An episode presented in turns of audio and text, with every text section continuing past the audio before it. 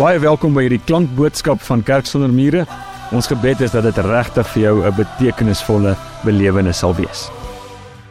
Here, wat 'n besonderse voorreg is dit om op hierdie manier ook u woord te verkondig, na u hart te kan luister.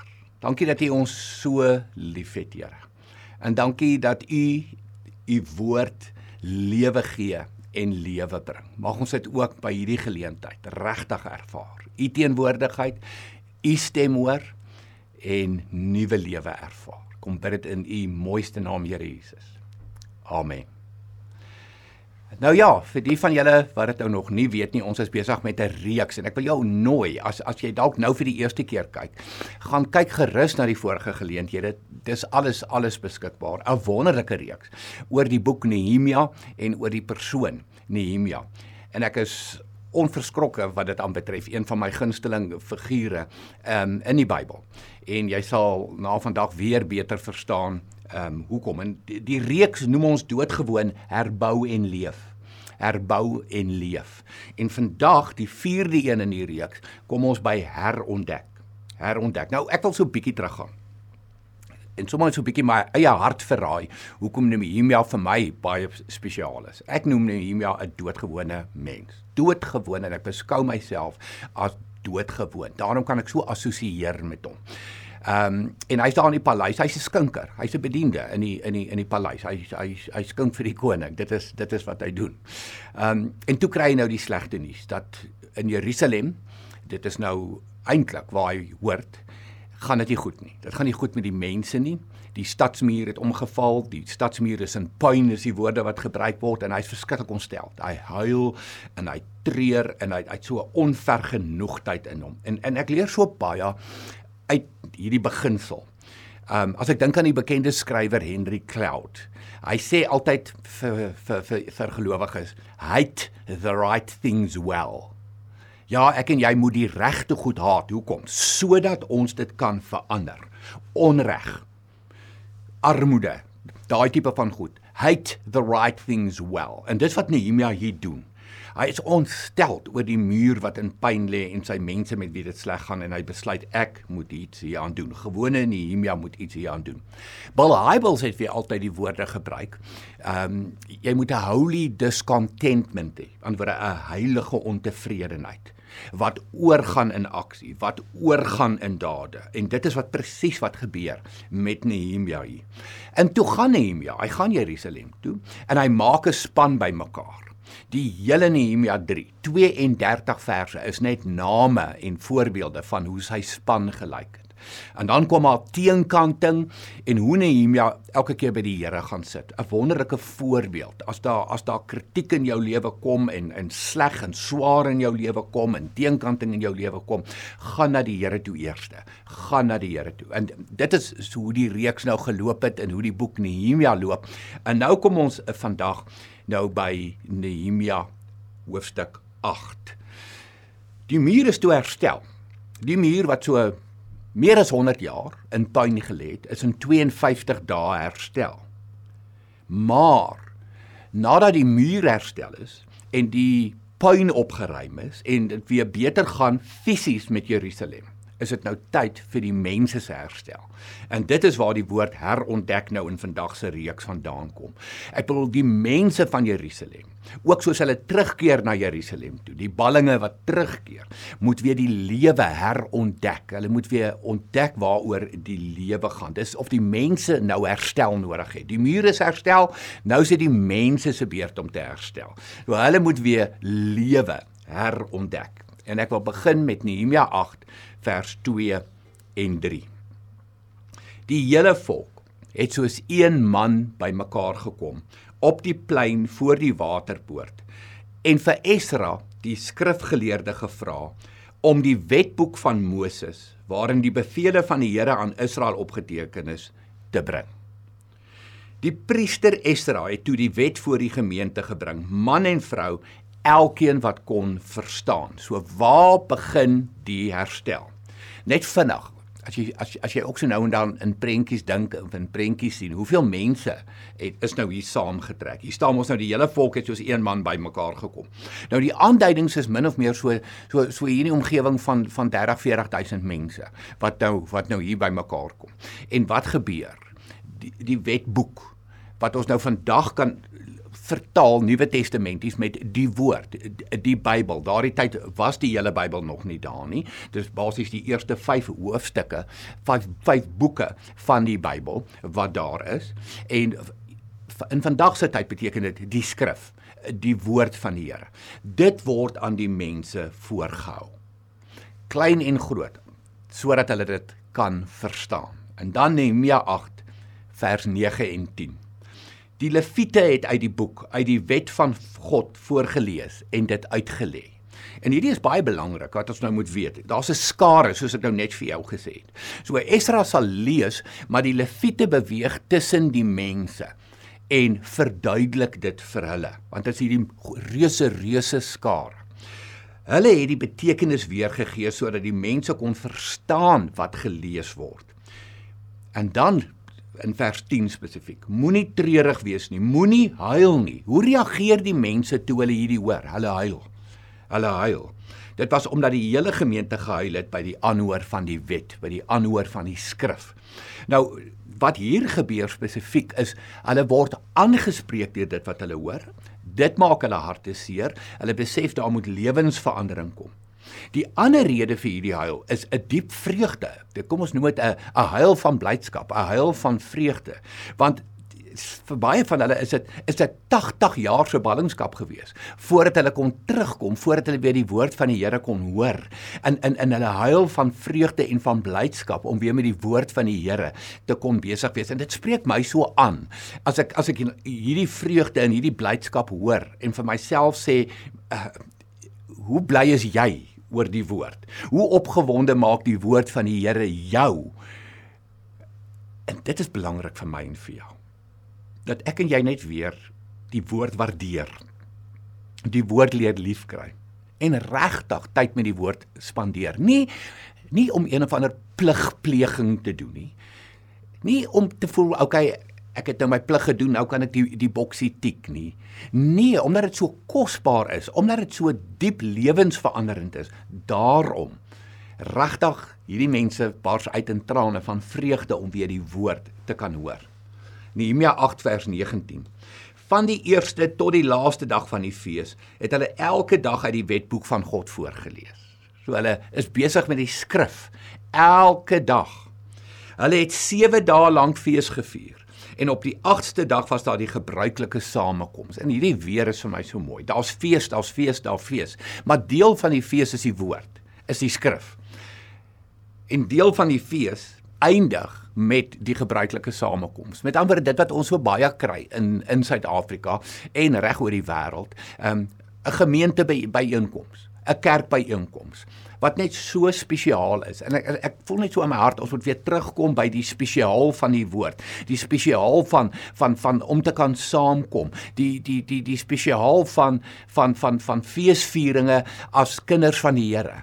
En want dit is wat ons beleef in in Nehemia 8. Dit is hoe die volk herstel wil dit weer herhaal. Die muur is herstel, maar nou moet die volk herstel. Die mense moet nuwe harte kry. Die mense moet weer moet weer herontdek en die mense moet weer groei en dit kan nie gebeur sonder die skrif, sonder die woord nie. So vir 80 jaar het hulle die woord gehoor nie. En dit laat my so baie keer dink aan aan wat gebeur in oosterse lande.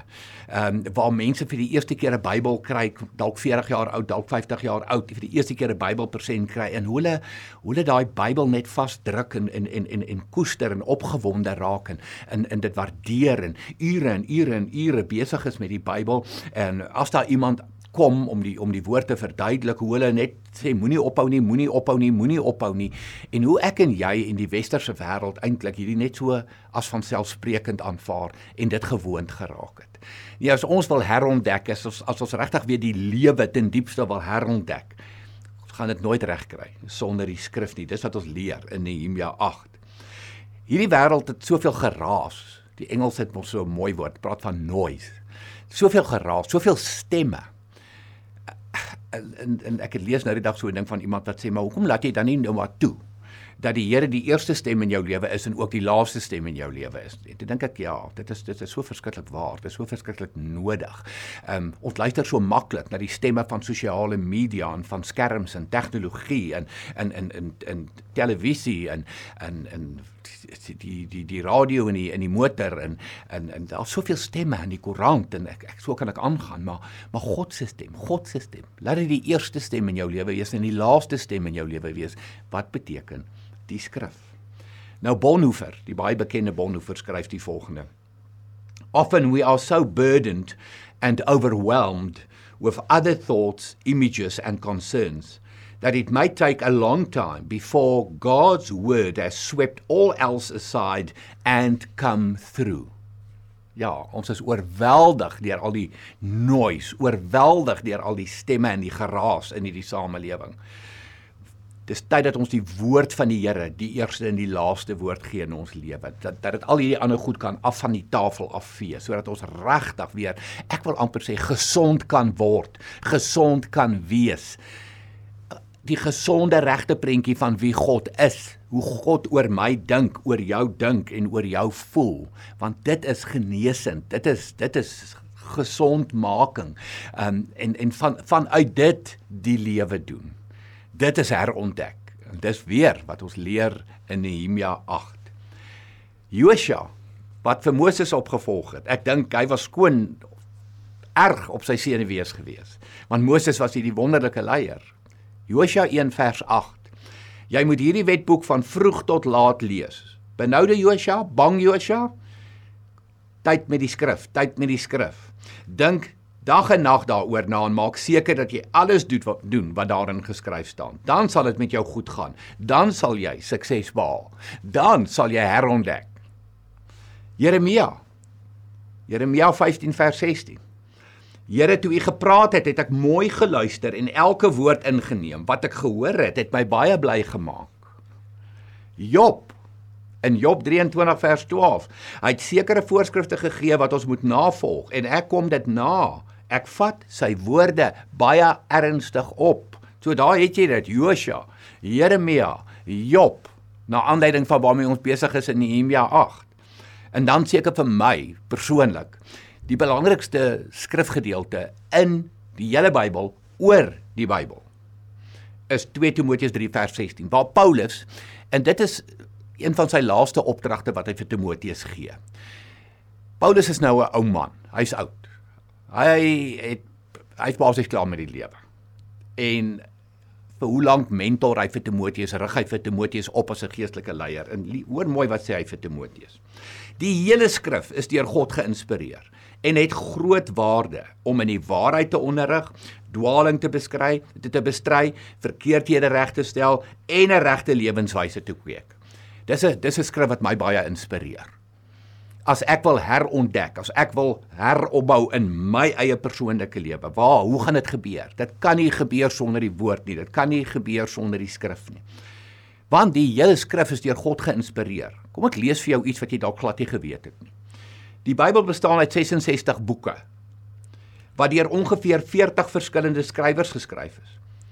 Die tydperk waaroor dit saamgestel is, strek oor 15 eeue.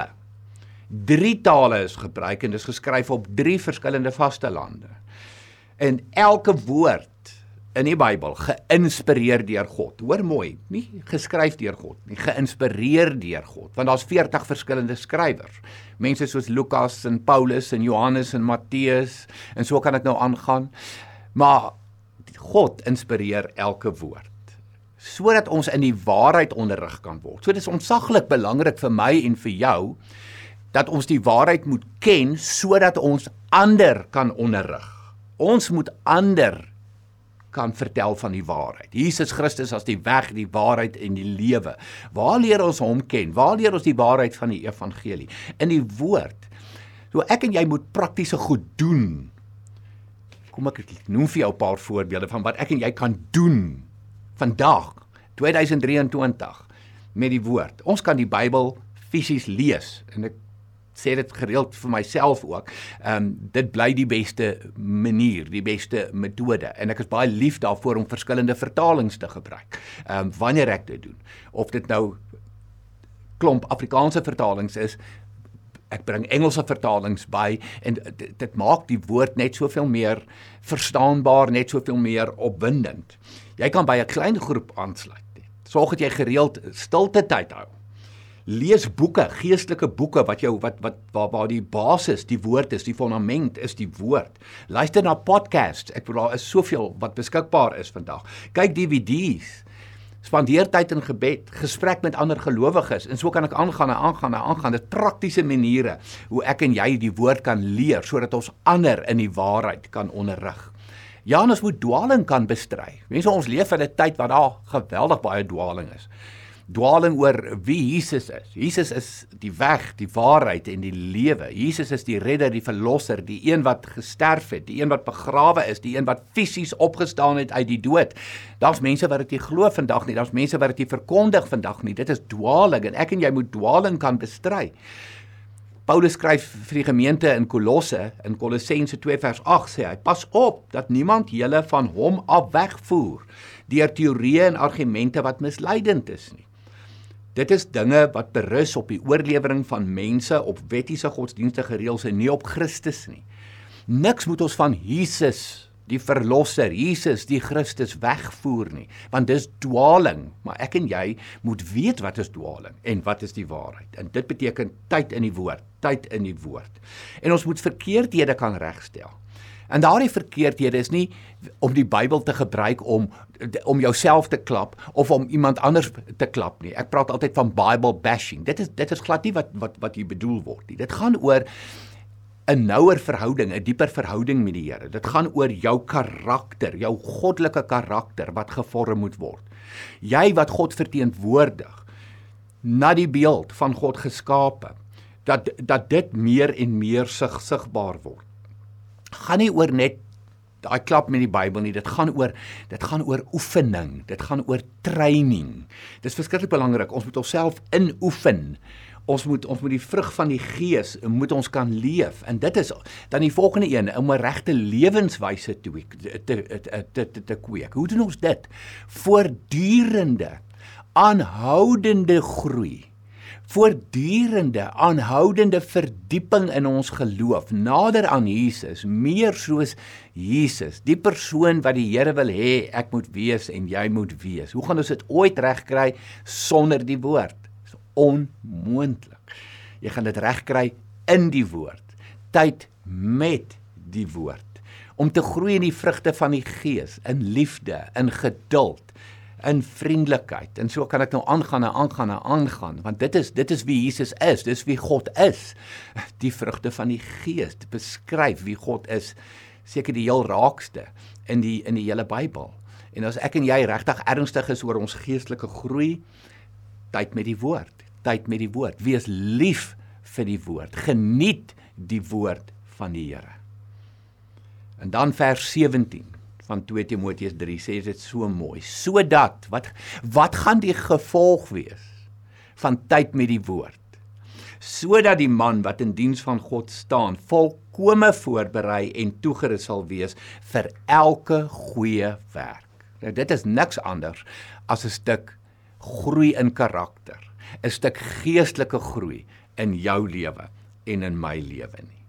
Ons is volkome voorberei en toegerus vir elke goeie werk. En dit is die doel van tyd met die woord. En dit is wat wat hier in Nehemia 8 gebeur. Ja, Jerusalem lyk nou weer goed. Jerusalem lyk nou weer mooi. Die muur is herstel. Onthou net die muur is ook sommer net 'n stuk veiligheid, 'n stuk sekuriteit. So dit is belangrik dat die muur herstel moet word. Maar die mense se harte, die mense se lewens, hulle moet weer opnuut ontdek, herontdek. Hoe lyk die ware lewe, oorvloedige lewe, oorwinningslewe. En hoe begin dit? Esra wat lees uit die woord uit, die Lewiete wat die woord verduidelik. Wow, en ek en jy het die woord tot ons beskikking. Ek is seker jy het ook 'n paar vertalings daar by jou. En elektronies, digitaal, is dit so maklik vandag om om om verskeie vertalings in in in in ja, Engels en Afrikaans die woord tot ons beskikking te hê en en dieper te duik en dieper te delf. Dit moet lekker wees, dit moet opwindend wees, dit dit moet 'n fees wees. En daardeur kom daar geestelike groei in jou lewe en in my lewe. So terug na Nehemia 8 toe en daarmee wil ek afsluit. Mense wat vir 80 jaar nie die woord gehoor het nie. Wat nie die voorreg gehad het om na 'n Esra te luister in die Lewiete wat dit vir hulle verduidelik. Na 80 jaar en hulle huil, hulle huil. Blydskap kan die woord hoor en dan ook die hartseer van ek kyk na my lewe, ek spieël myself in die woord en daar moet verandering kom, daar moet verdieping kom. Hierdie mense het nodig om te herontdek, hulle het nodig om te groei na 80 jaar in ballingskap. En dieselfde vir jou en dieselfde vir my. Ons moet elke dag vir onsself sê, dis tyd om te herontdek. Dis tyd om te groei. Kom ons raak weer opnuut opgewonde. Kom ons ontwikkel net weer opnuut 'n liefde vir die woord van die Here. En ons spandeer tyd in die woord en met die woord. Kom ek bid vir ons. Here, so dankie vir die skat wat ons het u woord, die Bybel. Here, dankie vir die voorreg wat ons het om blootstelling te hê nog aan verskillende vertalings ook, wat dit net vir ons help om dit soveel meer en meer verstaanbaar te maak. Here, ons kom kies vandag vir meer tyd met u woord. Dankie vir dit wat ons leer in Nehemia 8. Ja, Jerusalem is herstel, maar mense se harte en lewens moet herstel. Hulle moet herontdek waaroor die lewe gaan. Here, ek moet herontdek. En dit doen ek in u woord. So dankie vir u woord, Here. Dis 'n voorreg om dit te kan hê, dit te kan lees. In Jesus naam. Amen. Indien hierdie boodskap vir jou iets beteken het, dan wil ek vir jou vra, deel dit asseblief met iemand wat jy ken. En moet asseblief nie vergeet nie, ons sal jou bitter graag wil verwelkom by ons in-persoon eredienste op Sondag. Vir meer inligting oor Kerk sonder mure, is jy baie welkom om ons webtuiste te gaan besoek of ons op sosiale media te volg.